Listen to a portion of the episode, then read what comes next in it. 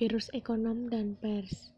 Virus corona merupakan virus yang sedang mewabah di dunia. Wabah penyakit ini mengganggu permintaan dan penawaran. Konsumen tinggal di rumah dan pabrik gagal menghasilkan barang jadi dan komponen. Dalam kedua kasus ini, efeknya cenderung bersifat sementara. Konsumsi dan produksi akan dilanjutkan setelah ketakutan mereda.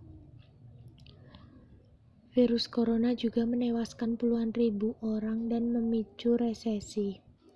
Pengalaman menunjukkan bahwa dunia akan kacau balau seperti yang terjadi setelah wabah SARS tahun 2002. IMF telah menurunkan perkiraan pertumbuhan global untuk tahun ini, tetapi hanya dengan 0,1 poin persentase yang merupakan kesalahan pembulatan dengan alasan pasar keuangan mengambil pandangan yang cukup santai dari krisis 21 Februari. Namun, bagi sebagian orang termasuk Presiden Trump, semua ini dilebih-lebihkan. Kebanyakan orang yang ter yang tertular virus hanya mengalami gejala ringan dan banyak dari mereka yang meninggal adalah lansia dengan kondisi yang sudah ada sebelumnya. Virus ini kurang mematikan daripada SARS, tetapi menyebar lebih mudah. Beberapa staf medis telah meninggal. Virus ini dapat bermutasi seperti yang dimiliki orang lain sebelumnya. Namun, satu hal yang sangat perlu ditekankan, ini bukan kasus kepanikan yang diciptakan oleh garis pers yang didorong oleh beberapa orang secara online dan dalam pendengaran penulisan ini. Berita utama telah dihasilkan oleh tindakan berwarna.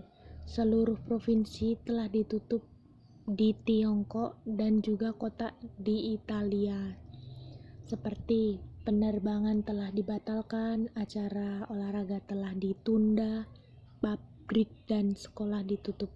Langkah-langkah yang paling keras telah diambil oleh China, di mana pers beroperasi di bawah pembatasan ketat. Pers tidak ingin melihat acara olahraga dibatalkan, justru sebaliknya. Mungkin pihak berwenang telah bereaksi berlebihan, tetapi mereka telah dipandu oleh saran medis yaitu tindakan cepat untuk mencegah penyebaran virus akan mengurangi kerusakan jangka panjang. Ini adalah tindakan resmi yang akan memiliki dampak ekonomi, bukan liputan media. I will explain the article entitled How to Recover from Fatigue and Chronic Work Stress. According to a psychology, maybe we have experienced boredom or stress at work. Symptoms are marked as emotional fatigue, lack of energy, and loss of satisfaction at work. The most significant way to prevent burnout is recovery.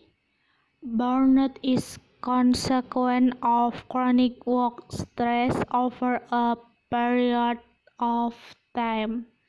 Burnout has three components emotional exhaustion, cynicism, and loss of satisfaction in a person, which cause many employers to resign because they are no longer able to think about their work to type of recovery are internal and external.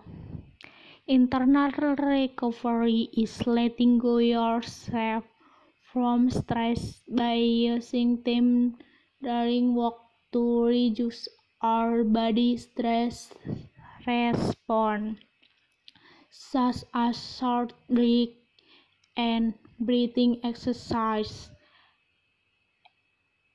External recovery is something done outside of work to have relief stress. For example, doing whatever activity we like.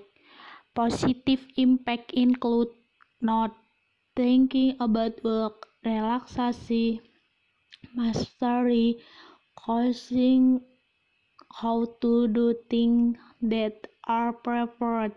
The negative impact is emotional exercise, loss of satisfaction at work.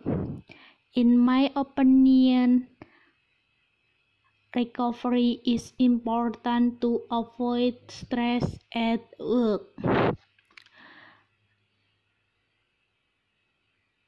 Because if someone is too concerned about his work will cause harmful effects such as physical disorders, coronary heart disease, and bone pain.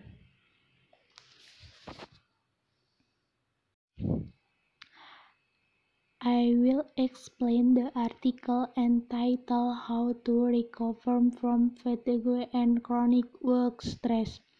According to a psychology, maybe we have experienced boredom or stress at work. Symptoms are marked as emotional fatigue, lack of energy, and loss of satisfaction at work.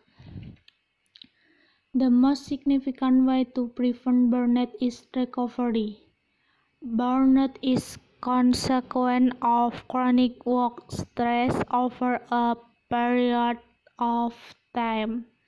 Burnout has three components emotional exhaustion, cynicism, and loss of satisfaction in a person, which cause many employers to resign because they are no longer able to think about their work.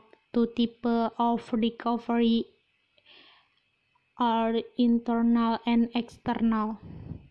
Internal recovery is letting go yourself from stress by using time during work to reduce our body stress response, such as short break and breathing exercise. External recovery is something done outside of work to have relief stress. For example, doing whatever activity we like. Positive impact include not thinking about work, relaxation, mastery, causing how to do things that are preferred. The negative impact is emotional exercise, loss of satisfaction at work. In my opinion, recovery is important to avoid stress at work. Because if someone is too concerned about his work will cause harmful effects such as physical disorders, coronary heart disease, and bone pain.